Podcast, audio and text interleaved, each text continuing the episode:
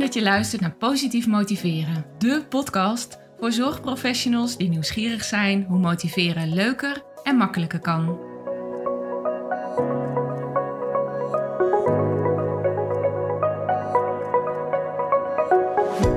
Mijn naam is Marielle Tromp en in deze podcast wil ik jou inspireren met verhalen, inzichten en tips die jij kunt gebruiken om meer resultaat, plezier en voldoening uit je werk te halen.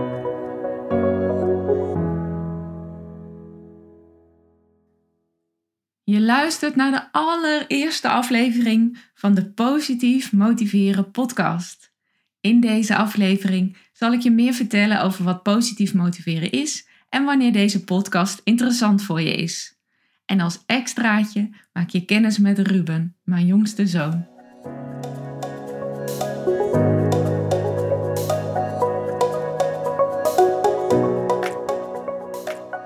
Harte welkom bij de allereerste aflevering van Positief Motiveren. Ik ben Marielle Tromp. In de volgende aflevering zal ik je meer over mezelf vertellen, maar voor nu is het goed om te weten dat ik me al meer dan 20 jaar bezighoud met motiveren en verandering en dat ik sinds een jaar of tien daar ook veel trainingen in geef. Die trainingen geef ik vooral aan professionals in de zorg en in welzijn. Denk aan bijvoorbeeld therapeuten en agogen, zoals logopedisten, fysiotherapeuten, ergotherapeuten, diëtisten, bewegingsagogen, maar ook aandachtsfunctionarissen op het gebied van leefstijl, ergocoaches, begeleiders, verzorgenden. Binnen welzijn en gemeente bijvoorbeeld jobcoaches, welzijnswerkers en buurtsportcoaches. Maar ook op al deze terreinen projectleiders, teamleiders en managers, dus mensen met een meer coördinerende of aansturende functie. Allemaal mensen die in hun werk te maken hebben met het motiveren van anderen. En een groot aantal van hen, met name de mensen die binnen een zorgorganisatie werken, heeft ook te maken met het motiveren van collega's.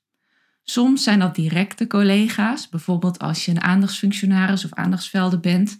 En soms zijn dat teams op locaties, of in ieder geval teams waar je zelf niet direct onderdeel van bent, als je bijvoorbeeld therapeut of behandelaar binnen een zorginstelling bent.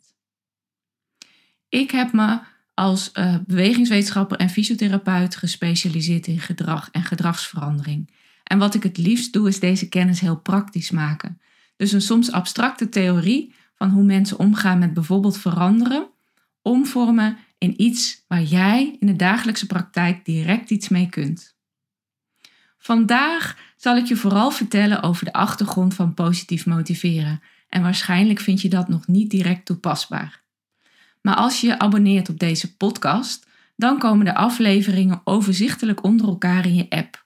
En daar zie je te zijner tijd direct welke afleveringen vooral praktisch zijn.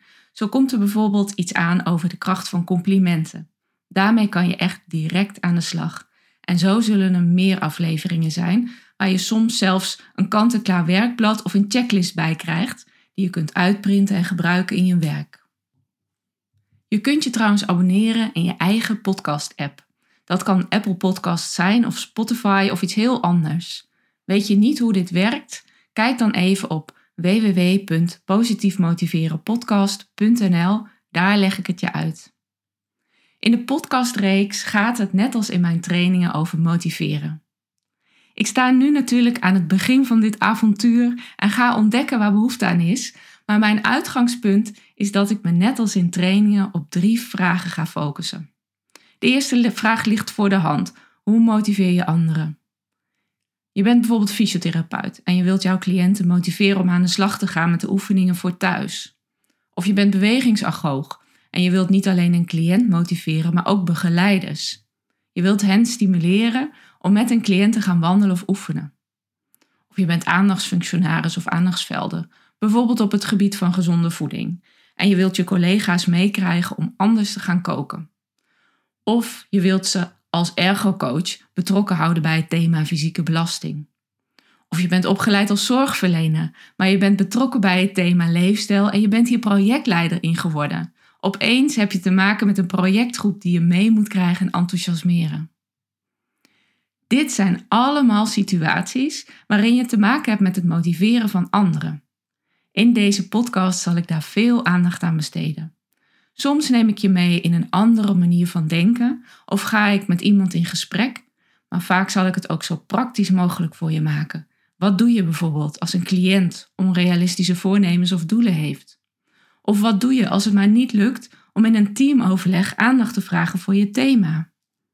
Of hoe geef je nou een goed compliment? Je kunt trouwens ook zelf vragen naar mij toesturen. Dus het eerste thema, de eerste focus draait om de vraag: hoe motiveer je anderen effectief? Maar ik noemde drie vragen waar ik op focus. En de tweede vraag is: hoe blijf je zelf gemotiveerd? Juist in die situaties waarin het allemaal nog niet zo makkelijk loopt. Dat heeft natuurlijk ook alles te maken met de eerste vraag en de vaardigheid om anderen te motiveren. Maar ik vind het ook heel belangrijk dat je naar jezelf en naar je eigen rol kijkt. Als het voor jou voelt als sleuren en trekken om anderen te motiveren, of dat nou cliënt of collega's zijn, dan kost dat jezelf ook energie. En dat houd je niet eindeloos vol. Daarom is het belangrijk om ook regelmatig naar je eigen rol te kijken en stil te staan bij je eigen energie en je eigen motivatie. Hier kan je zelf veel invloed op hebben, door bijvoorbeeld gesprekken anders in te steken.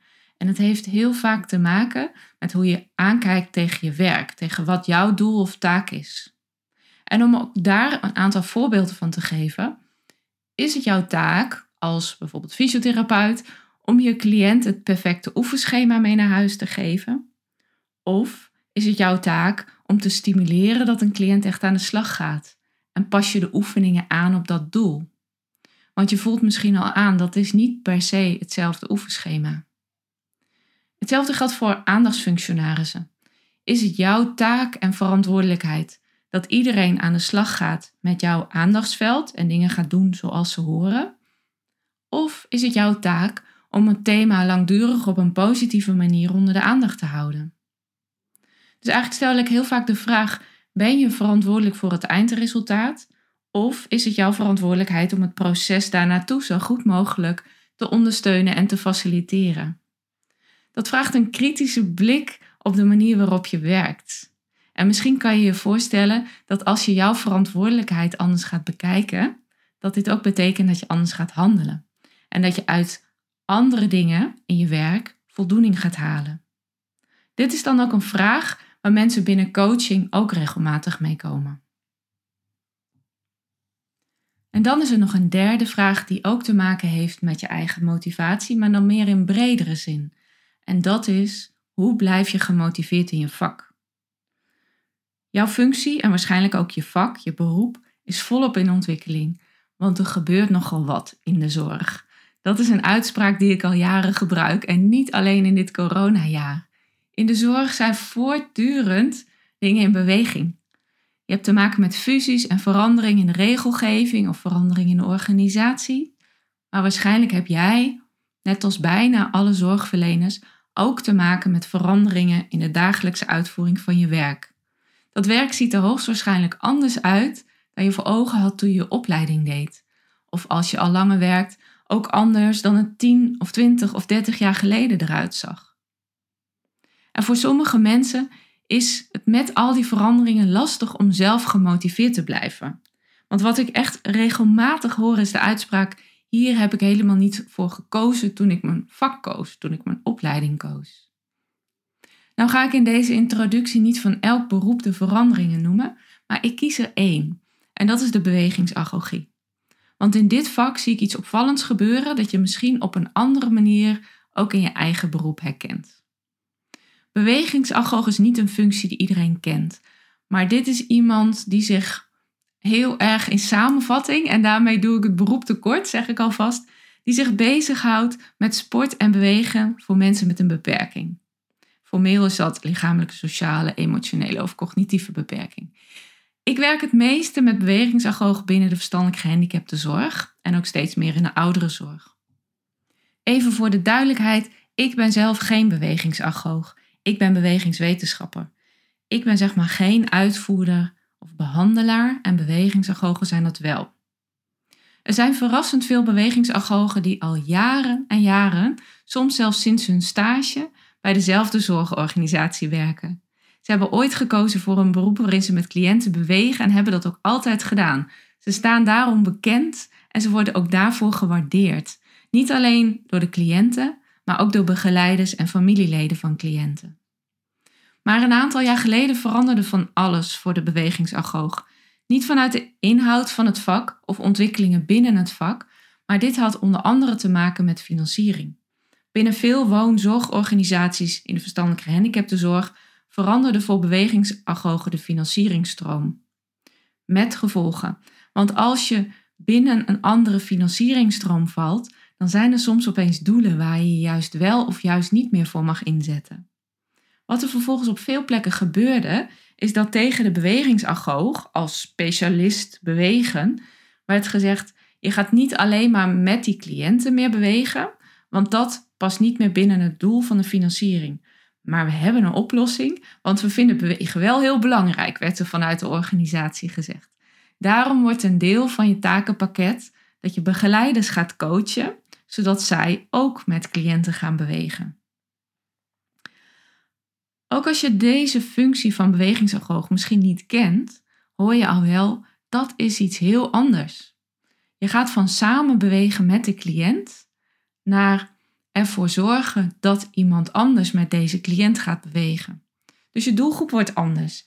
Je hebt niet meer volop contact met een cliënt, maar steeds meer met zijn begeleider of verzorgende. En bovendien verandert je taak, want het is iets heel anders om samen met iemand te bewegen dan om een tussenpersoon te coachen om dat te gaan doen. Helaas wordt in dit geval vaak gedacht: een bewegingsagoog is een specialist bewegen, die kan dat wel. Maar er wordt niet altijd voldoende bij stilgestaan dat dit andere takenpakket ook komt met heel andere vaardigheden. Zoals gezegd, dit is één voorbeeld. Maar in elk beroep veranderen er dingen. Soms vanuit vakinhoudelijke ontwikkeling, soms vanuit andere financiering en soms vanuit keuzes van een organisatie. En in heel veel gevallen heb je als aanvulling andere vaardigheden nodig, zoals bijvoorbeeld coachende vaardigheden. En daarmee kom ik in het verwarrende stuk dat tegenwoordig heel veel functies coach heten. Daarom noem ik het zelf bewust coachende vaardigheden. Ik geloof dat zorgprofessionals een goed gevulde rugzak hebben met ervaring en vaardigheden. En ik zie in de praktijk dat als je daar enkele praktische, coachende en motiverende vaardigheden aan toevoegt, dat ze heel goed invulling kunnen geven aan hun coachende rol. En dat is niet hetzelfde als bijvoorbeeld een teamcoach zijn of een life coach of een personal coach. Dat vraagt een uitgebreide inhoudelijke vakopleiding, beroepsopleiding. Maar waar het in dit geval om gaat, zijn vaardigheden, tools en tips. En dat je die gaat toevoegen aan je eigen rugzak, aan je eigen pakket, waardoor je jouw eigen functie makkelijker kunt uitvoeren. Dus in samenvatting focus ik me op drie vragen. 1. Hoe motiveer je effectief de ander? 2. Hoe blijf je ook zelf gemotiveerd in het contact met je cliënt of je collega? En 3. Hoe blijf je plezier en voldoening uit je werk in bredere zin halen, dus uit je eigen vak? Op al deze gebieden geloof ik dat je heel veel hebt aan het nadenken over motiveren. En echt, ik heb gezien dat mensen met een paar tips of ideeën hun werk heel anders gingen ervaren en uitvoeren. Ik hoop in deze podcast ook wat van die mensen te interviewen. Door soms net even anders te kijken, ga je invalshoeken zien waarmee jij anderen makkelijker motiveert. Wat uiteindelijk bijdraagt aan het plezier en de voldoening die jij uit je werk of uit je taak haalt. Waarom heet het nu eigenlijk positief motiveren? hier hoor je Ruben, mijn jongste zoon. Ruben is erg goed in waarom vragen en zal af en toe in deze podcast te horen zijn. Zijn vraag nu is ook een goede, want ik heb mijn trainingen ook veel gegeven onder andere namen. Dat waren soms heel creatieve, waarbij een van mijn favorieten was bewegen, wat houdt u tegen? Maar ook meer gangbare. Coachen naar gedragsverandering, leren motiveren, motivatie en gedragsverandering. Moeiteloos motiveren.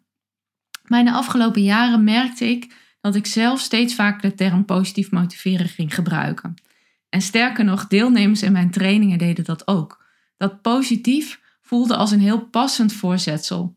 Voor mij heeft dat positief met veel dingen te maken. Zo heeft het met de intentie te maken. Soms zeggen mensen wel eens: bestaat negatief motiveren dan ook? En ik denk dat dat ook bestaat, dat je het dan manipuleren kan noemen. Manipuleren is helemaal niet zo moeilijk. Je kunt mensen heel vaak wel stimuleren om iets te doen, zeker kortdurend. Dus positief heeft voor mij allereerst met de intentie te maken. Dat je iemand motiveert tot iets waarvan jij en waarvan de meeste mensen overtuigd zijn dat dit goed voor hem is. Bijvoorbeeld, het draagt bij aan zijn gezondheid. Maar het heeft ook zeker met resultaat te maken. Want soms is de intentie heel positief, zoals bijvoorbeeld bij het geven van complimenten. Maar het resultaat ervan kan soms heel anders uitpakken. Daarom is het goed om na te denken of je compliment bijvoorbeeld goed is opgebouwd. Net zoals je meestal ook goed nadenkt over het geven van feedback. Daarover gaat trouwens een volgende aflevering.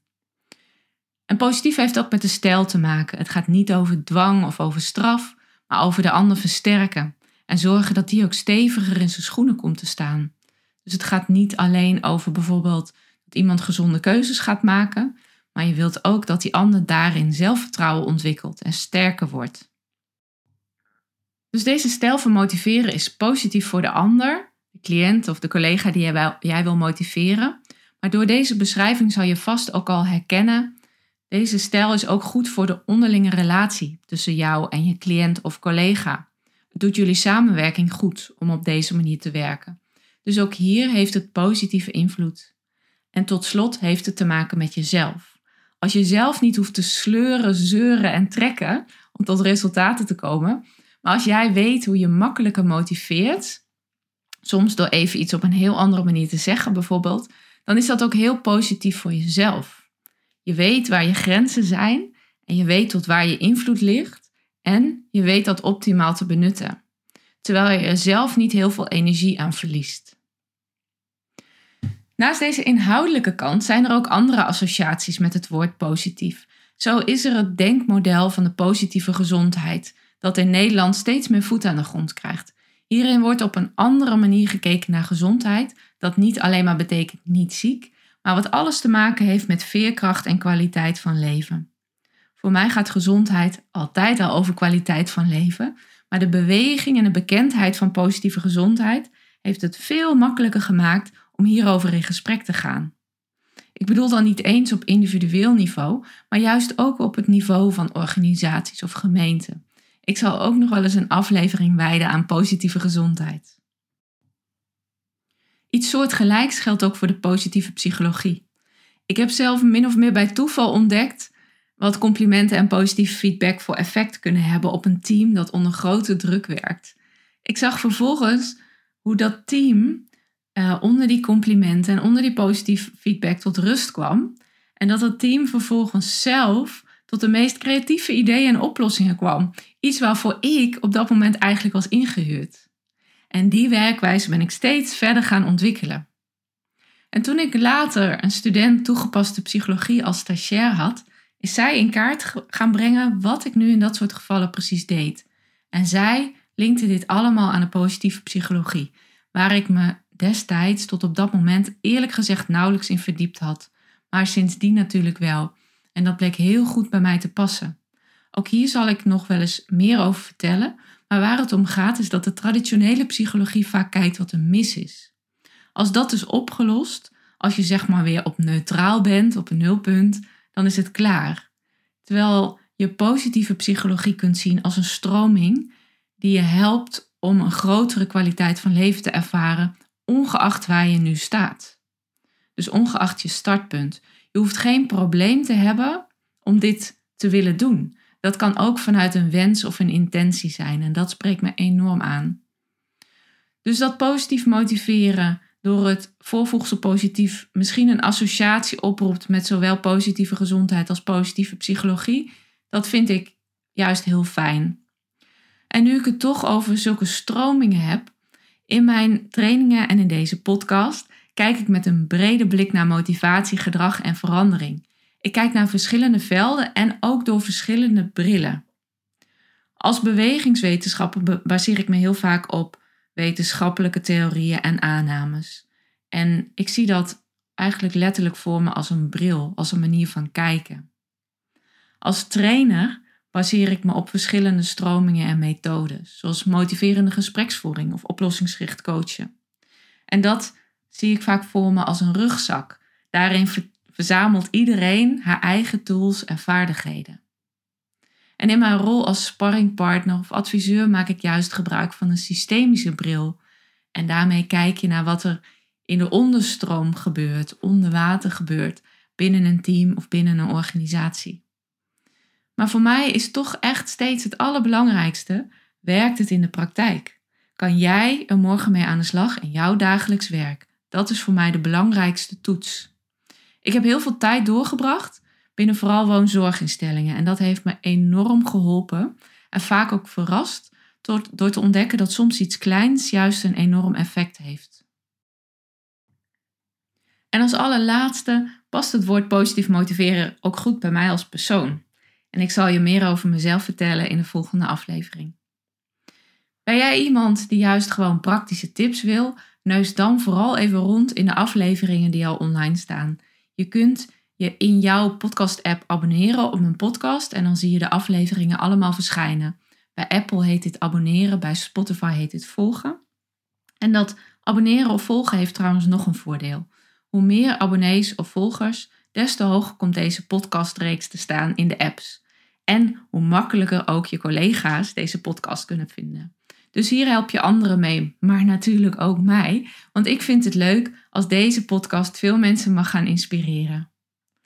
Verder heb jij misschien een vraag die je kan gaan beantwoorden in de podcast of een wens voor een thema. Laat het me even weten, bijvoorbeeld via www.positiefmotiverenpodcast.nl.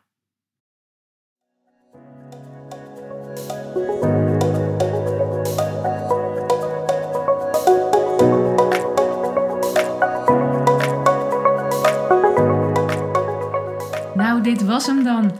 De eerste aflevering van Positief Motiveren, de podcast. In deze aflevering heb ik verteld wat positief motiveren is. Ik hoop dat het je duidelijk is geworden of dit misschien iets voor jou kan betekenen en of het dus interessant voor je is om verder te luisteren. Natuurlijk ontmoet ik je dan graag bij een volgende aflevering. Tot slot nog even dit. Ik vind het bijzonder dat je luisterde en dat ik even met je mee mocht vandaag. Dank je wel.